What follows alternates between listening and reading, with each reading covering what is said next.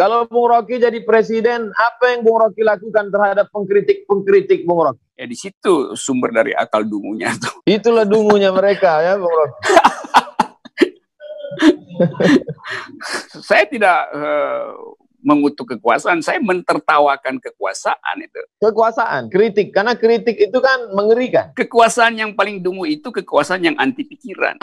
Dunia penuh dengan caci maki, sampai-sampai manusia teler. Senang berteman dengan Bung Rocky, bersama-sama kita hadapi Buzer. No salat, no hikmat.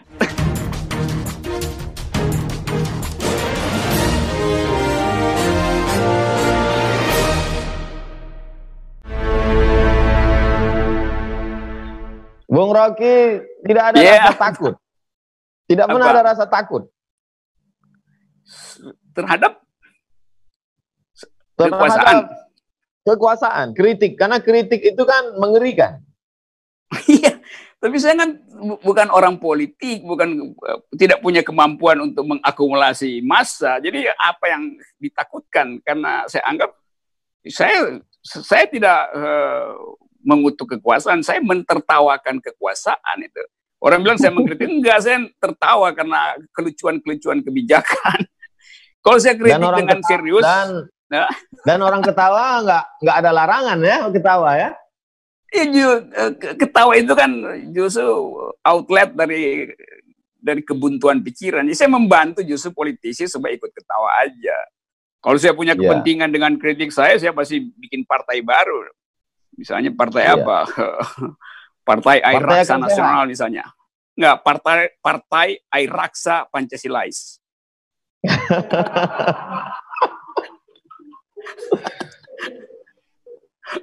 Bung Rocky, ya. apa yang apa yang dialami oleh Habib Rizik? Apa yang dialami oleh, ya. oleh Habib Rizik?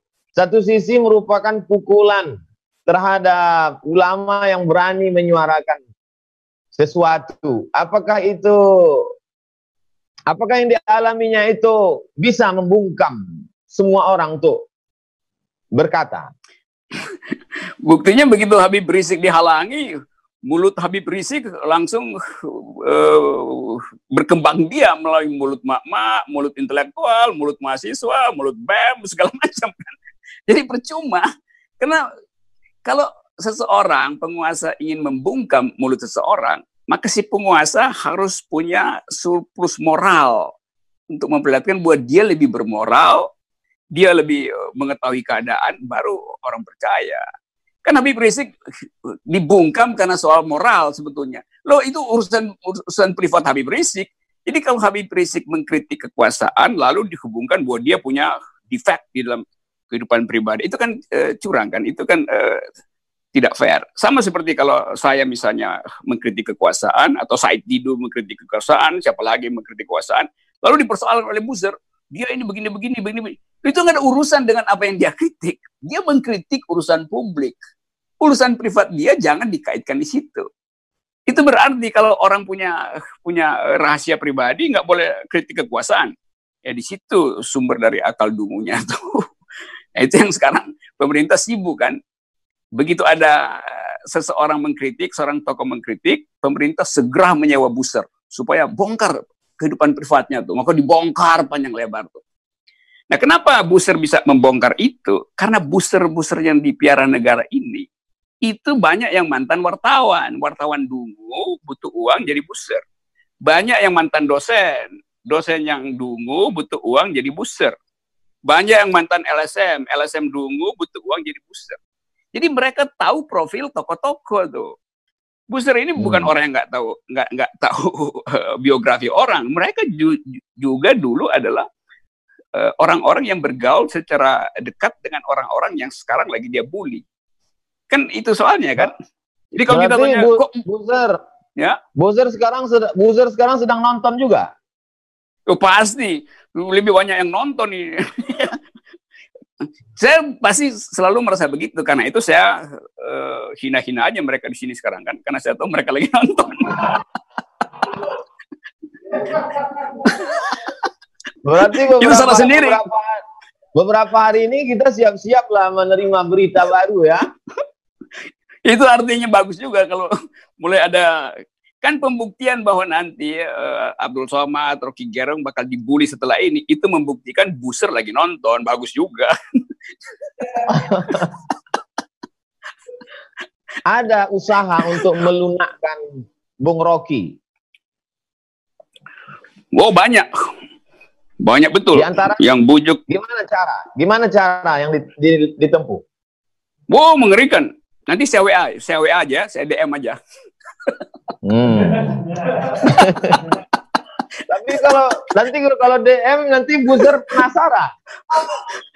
Ya buzzer buzzer udah ngerti lah kalau kalau saya kasih sinyal DM berarti besok yeah. itu dia akan berupaya untuk nyusup menghack ke nomor WA Ustadz Somad itu Ustadz atau nomor saya itu itu udah standar standar prosedur.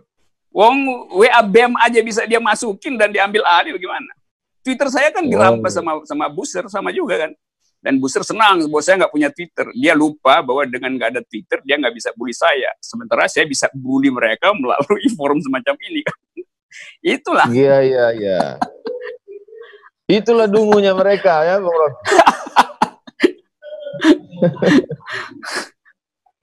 Apa itu istilahnya? Mungkin apa ya. sebetulnya ya. dosa besar? Apa sebetulnya dosa besar Habib Rizik sehingga dihabisi Buzer? Lo Habib Rizik itu nggak ada dosa politik. Kan dia kritik politik, lalu dihubungkan dengan dosa-dosa privat. Yang ada urusan apa? Dosa privat itu urusan Habib Rizik dengan akhirat. Nggak ada hak atau kekuasaan untuk menilai seseorang selain hubungan dia dengan sesuatu yang dia anggap dia akan bertanggungjawabkan nanti kan. Tapi orang menganggap bahwa itu adalah kriminal segala macam itu. Sehingga seluruh dunia bahkan dikirimi eh, notifikasi Interpol untuk untuk soal yang ajaib gitu kan. Jadi biasa aja kan Habib Rizik mengkritik. Tapi tentu kita tahu Habib Rizik di belakangnya ada gerbong yang bersiap-siap untuk menjadi oposisi. Jadi dihalangi justru karena Habib Rizik punya gerbong itu saya untung nggak punya gerbong, tapi yang nggak punya gerbong seperti saya pun dihalangi, apalagi yang punya gerbong kayak Habib Rizik. Tetap Habib hmm. Rizik adalah tokoh politik yang punya potensi untuk menghasilkan pikiran alternatif terhadap uh, penyelenggaraan negara ya. Itu hal yang yang justru mesti di ya dirawat lah sebagai loyal opposition. Karena Habib Rizik nggak angkat senjata untuk menjatuhkan pemerintah. Ya. Apa bahayanya bagi kekuasaan, Bung Rocky? Kekuasaan yang paling dungu itu kekuasaan yang anti pikiran. Kita saya setiap hari cuma mengucapkan pikiran. Abdul Somad mengucapkan pikiran, Habib Rizik mengucapkan pikiran, Said Didu mengucapkan pikiran, si eh, Ronald eh, Buton mengucapkan pikiran. Nah kekuasaan yang takut pada pikiran itu kekuasaan yang nggak punya pikiran.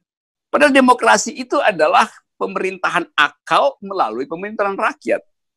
Demokrasi itu mengandalkan argumen, Nah, pemerintah itu sensitif terhadap argumen justru. Pemerintah balas dengan sentimen. Lalu kalau kita mau berdebat, kita pasang argumen secara setara. Jangan saya pas pakai argumen yang sana pakai sentimen. Lalu mulai mengeksploitasi keburukan-keburukan orang yang tidak argumentatif. Begitulah watak kekuasaan sekarang semacam itu. Anti argumen, tapi doyan dengan sentimen. itu ajaib. Kalau Bung Rocky, kalau Bung Rocky jadi presiden, apa yang Bung Rocky lakukan terhadap pengkritik-pengkritik Bung Rocky? Hari pertama saya beliin empek-empek mereka supaya uh, ya supaya protein otaknya tinggi. Empek-empek kan protein otaknya tinggi itu aja. Jadi saya akan bujur-bujur itu setiap hari saya kirimin empek-empek itu supaya Gojek ada kerjaan di masa pandemi ya ini ada uh, sembako pempek dari Presiden Rocky Gerung begitu untuk para bujar lalu dikasih uh, gambar presiden. Tapi nggak saya nggak pakai logo istana. Saya pakai logo mak-mak itu. Bung Rocky kan akademisi filsafat UI apa Mungkin setelah populernya Bung Rocky, banyak anak-anak muda kita ingin kursus akal sehat melalui filsafat. Apa sih filsafat hmm. itu, Bung Rocky? Filsafat itu di, dimaksudkan dari awal untuk beroposisi dengan kekuasaan. Filsafat dilahirkan justru untuk menghalangi kekuasaan jadi absolut. Sejarah filsafat Barat begitu, sejarah filsafat India juga begitu. Dalam uh, versi Mahabharata, sejarah filsafat Islam juga begitu. Jadi kita mau agar supaya ada elemen kritis di dalam kehidupan akademis kita.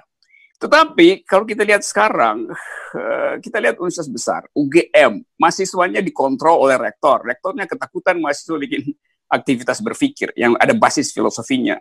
Lalu diancam. UI juga begitu, banyak seminar yang dibatalkan hanya karena semacam sinyal samar-samar dari rektor. Kenapa itu terjadi? Karena rektor sekarang adalah bawahan presiden.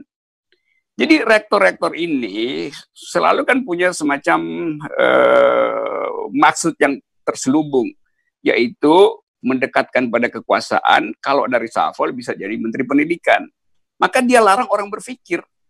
Dianggap bahwa kadang-kala dianggap anda mahasiswa itu tidak boleh uh, bikin seminar, harus dibimbing oleh profesor. Lo prinsip universitas, mimbar akademis itu adalah mimbar sivitas akademi, bukan sekedar mimbar profesor kan, guru besar kan. Itu kan alasan rektor aja, bahwa mesti ada guru besar yang dampingi.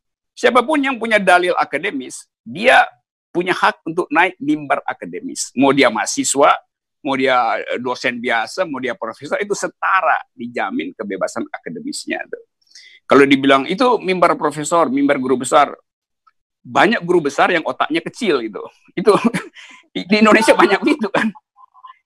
Jadi kita ingin kembalikan fungsi dari kampus sebagai supply penyuplai akal sehat. Nah, akal itu hanya disebut akal kalau dia bisa dikritik. Pikiran hanya disebut pikiran kalau dia bisa dibantah. Kalau saya kalau saya mengucapkan sesuatu dan tidak boleh dibantah, itu artinya saya lagi berdoa. Doa nggak bisa dibantah. Tapi pikiran itu bisa dibantah. Nah, cara membantah yang paling mudah adalah tampilkan di wilayah akademis, karena di situ ada metodologi kan. Kan kalau pikiran dipamerkan di, di pilkada, di panggung dangdut, kan nggak bisa dibantah kan. Karena yang datang yeah. kan konstituennya, konstituennya mah tepuk-tepuk tangan aja. Lain kalau pikiran nah. akademis, itu akan dibantah membantah. Jadi mimbar yang paling mungkin untuk merawat akal sehat, ya memang mimbar akademis dan itu nggak boleh dikendalikan oleh kekuasaan itu. Kampus sebagai pusat akal sehat dikendalikan, dibungkam, ditutup, lalu ini berarti gambaran kematian akal sehat. Akal sehat nggak akan mati. Dia dimatikan di kampus, dia akan cari gorong-gorong baru yang namanya webinar semacam ini, yang namanya YouTube. Saya perhatikan begitu kampus ditutup, dosen-dosen pada bikin YouTube baru tuh. Dan semuanya adalah menghajar kekuasaan. Jadi percuma ini gelombang akal pikiran ini, gelombang akal sehat.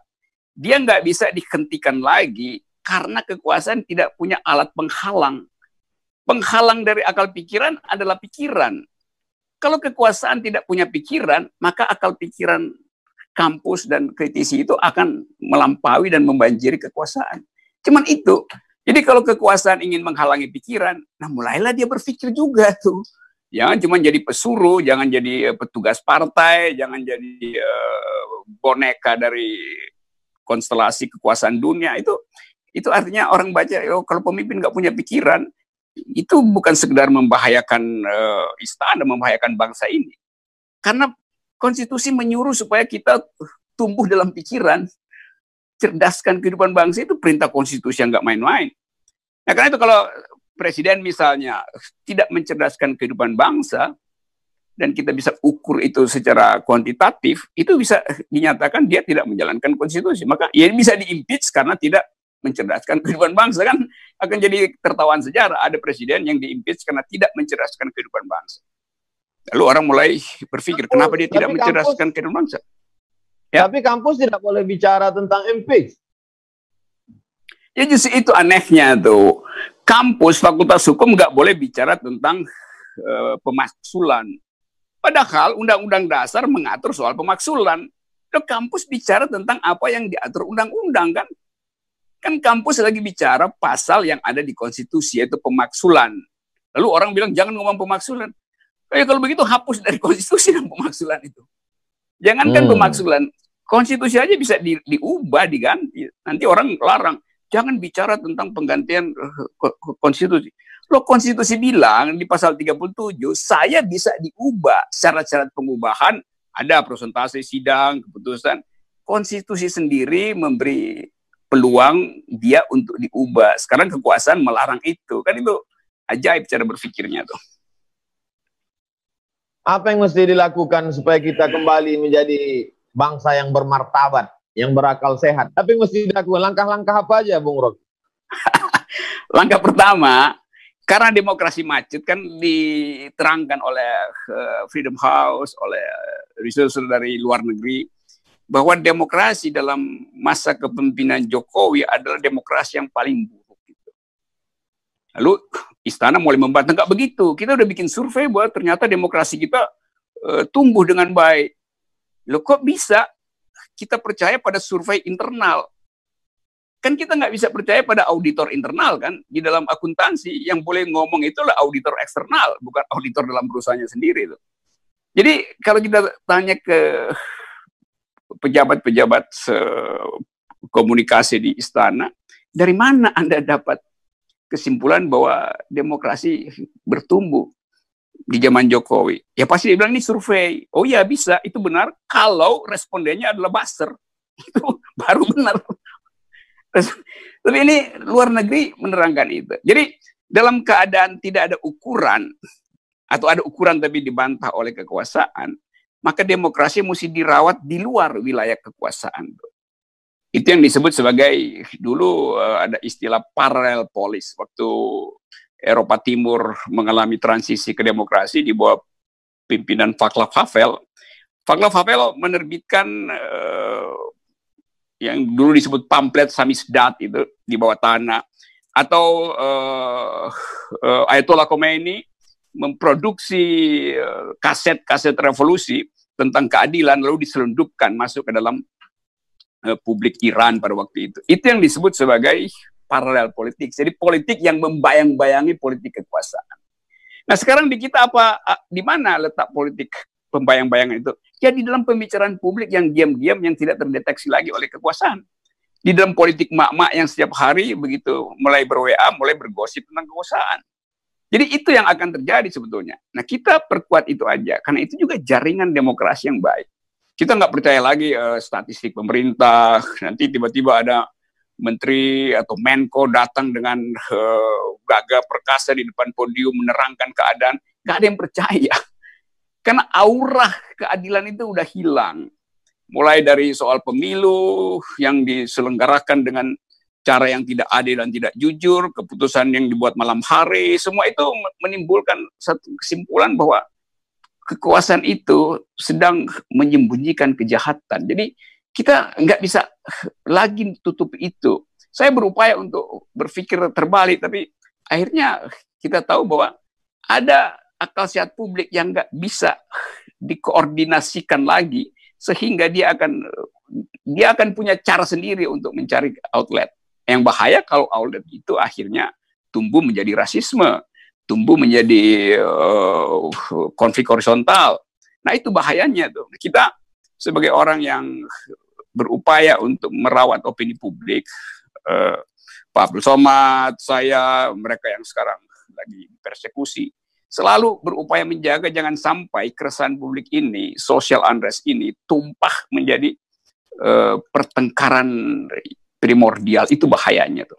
Kalau pertengkaran politik itu biasa, tapi kalau pertengkaran primordial dia akan dieksploitasi oleh para penunggang kekuasaan baik dalam negeri maupun luar negeri. Itu itu saya kira itu uh, poin bijak yang bisa kita sampaikan pada publik.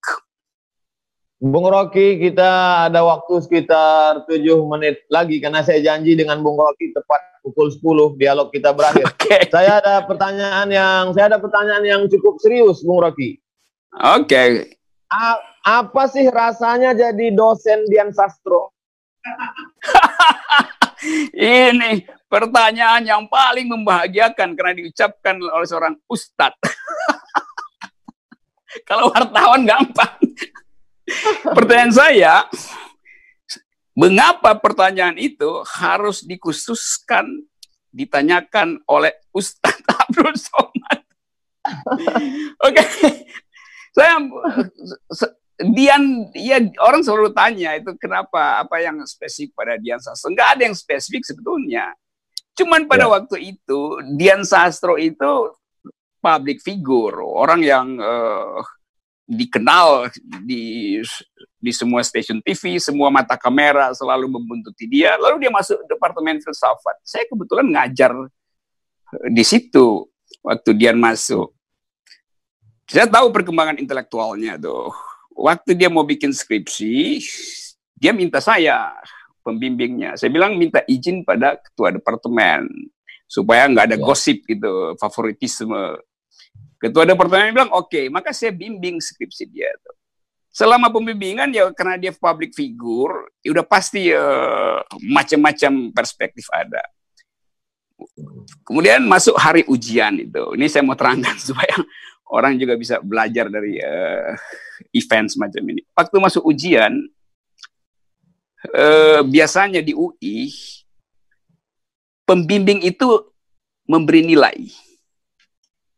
Nah, pembimbing biasanya memberi nilai yang bagus supaya bimbingannya lulus kan. Yang kedua, ujian itu tertutup.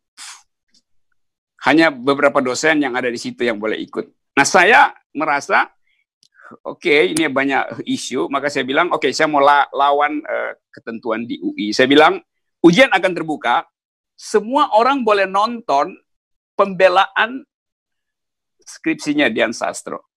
Bahkan pers boleh datang, mahasiswa boleh datang, semua dosen.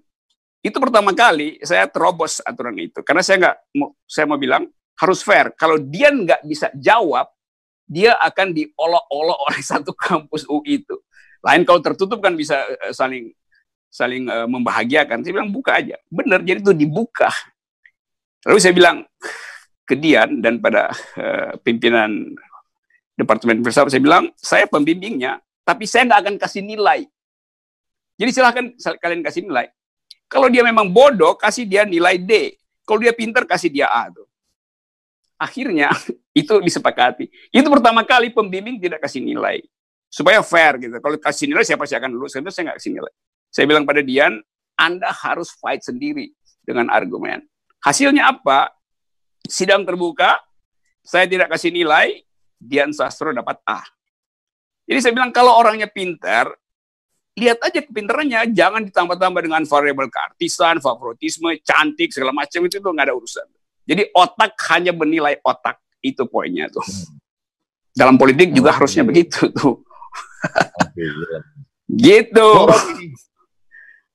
Jawabannya luar biasa. Bung Rocky, ada masanya berbunga, ada masanya harum semerbak, tapi kemudian ada masanya layu dan kemudian mati. Bagaimana orang filsafat melihat kematian? Kematian itu, orang filsafat nggak bisa melihat kematian. Karena orang filsafat menganggap ya kematian itu adalah sama misterinya dengan kehidupan ada filsafat uh, Epicurus bikin poin bahwa waktu kita hidup kita tidak mati, waktu kita mati kita tidak hidup. Jadi itu dua kualitas yang tidak perlu diperbandingkan sebetulnya. Agama punya point of view yang lain bahwa kematian itu adalah penundaan dari harapan sebetulnya. Harapan itu hanya bisa kita peroleh dengan melewati fase kematian itu. Jadi ada politics of hope di dalam uh, kematian itu. Kehidupan itu ada politics of memory. Memori kita kita coba hentikan supaya kita punya hope. Tapi sebetulnya kalau uh, di dalam di dalam ilmu pengetahuan yang lebih positivistik, ya ke, menanyakan kematian itu tidak layak ditanyakan pada orang hidup gitu. sebetulnya kan jalan pikirannya kan. Jadi eh, sama misalnya kalau orang bertanya Pak Rocky kita mau seminar, kami panitia butuh biodata Pak Rocky. Saya bilang biodata.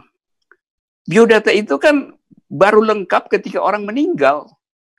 Kalau orangnya masih hidup, biodatanya masih bertumbuh. Jadi ngapain minta biodata ke saya yang masih bernapas? Begitu saya tulis, satu menit saya, saya email, biodata saya berubah. Karena saya diundang ngomong dengan Ustadz Somad. Kan saya nggak bisa tuliskan pada waktu sekarang kan buat biodata saya, saya bicara dengan seorang ustadz rohaniawan Yunto uh, public critics yang berakal sehat. Saya nggak bisa tambahin di situ karena masih berlangsung. Kalau saya meninggal, orang akan catat bahwa saya pernah bicara eh, soal beginian dengan Ustadz uh, dengan UAS, Ustadz Akal Sehat. Nah, satu poin tentang kematian supaya mahasiswa sosiologi bisa pelajari. Dulu ada seorang sosiolog uh, udah udah meninggal, lupa namanya, uh, Roslow Oke. Okay. Wartawan tanya pada dia, Pak Profesor, bila Anda meninggal, Anda ingin dikuburkan dengan cara apa dan di mana? Kata si Profesor, tanyakan pada jenazah saya. Karena Anda tanya kalau saya udah meninggal, nah saya masih hidup, saya nggak bisa jawab. Jadi kalau saya udah meninggal, tanya pada ya jenazah saya. Jadi pertanyaan tentang kehidupan nanti itu adalah pertanyaan untuk si mati. Selama orang hidup, dia hanya bisa berupaya untuk menggambarkan kenikmatan hidup nanti, kebahagiaan. Dan dalam keadaan itu, teologi dan filosofi bersahabat baik. Karena teologi berupaya untuk menggambarkan kehidupan yang uh, pasca nanti itu di dalam format hmm. yang indah segala macam. Nah, filsafat berupaya merasionalisir jalan pikiran itu atau mengkritik secara rasional jalan pikiran itu. Nah, di situ tema kematian menjadi tema bersama antara teologi dan filosofi. Apa yang ingin Bung Rocky tinggalkan untuk kemanusiaan? Saya ingin tinggalkan persaudaraan. Saya ingin tinggalkan kesetaraan warga negara. Karena kita nggak bisa tinggalkan hal lain itu. Kita nggak bisa bilang kita akan tinggalkan moral yang baik. Mungkin satu detik sebelum saya meninggal justru moral saya memburuk gitu kan. Saya tidak bisa tinggalkan uh, materi segala macam. Jadi saya hanya bisa mengatakan bahwa persaudaraan, persahabatan itu adalah nilai terbaik di dalam kehidupan uh, yang sekuler hari ini. Kehidupan yang uh, di dunia tuh. Kehidupan setelah kehidupan sekulum adalah kehidupan yang setiap orang punya imajinasinya sendiri tuh. Jadi sebagai orang publik kita hanya bisa bicara tentang kepublikan manusia. Di dalam uh, komunitas agama kita akan saling mendoakan. Di dalam komunitas religius kita berupaya supaya ada sahabat kita tiba dengan uh, tanpa cacat di pintu surga. Kita ingin agar supaya keluarga kita ada di dalam uh, suasana yang bahagia dan membayangkan uh, kehidupan berikutnya juga dengan cara yang berbagi. Tapi itu wilayah komunitas uh, privat itu. Nah, dalam komunitas publik kita ingin agar supaya kesetaraan warga negara tetap dipelihara oleh rejim mana pun. Penghormatan tanpa asasi manusia, eh, social tolerance, segala macam. Jadi semua yang ada di konstitusi itu adalah nilai-nilai baik kehidupan publik. Konstitusi yang yang yang uh, adil dan makmur tentunya tuh. Oke. Okay. Dunia penuh dengan caci maki, sampai-sampai manusia teler. Senang berteman dengan Bung Rocky, bersama-sama kita hadapi Buzer. Wah, no somat, no hikmat. Oke, okay, UAS. Ustadz akal sehat. Satu jam, lebih kurang satu jam bersama Bung Rocky. Janji kita okay. jam 10. Saya amat sangat ucapkan banyak terima kasih kepada Bung Rocky. Insya Allah kita ketemu di di Pekanbaru atau di Jakarta bicara lebih panjang lebar lagi Insya Allah. Oke, kita bicara dengan cara yang disengaja, bukan yang tidak disengaja gitu ya. Oke, okay, Assalamualaikum warahmatullahi wabarakatuh.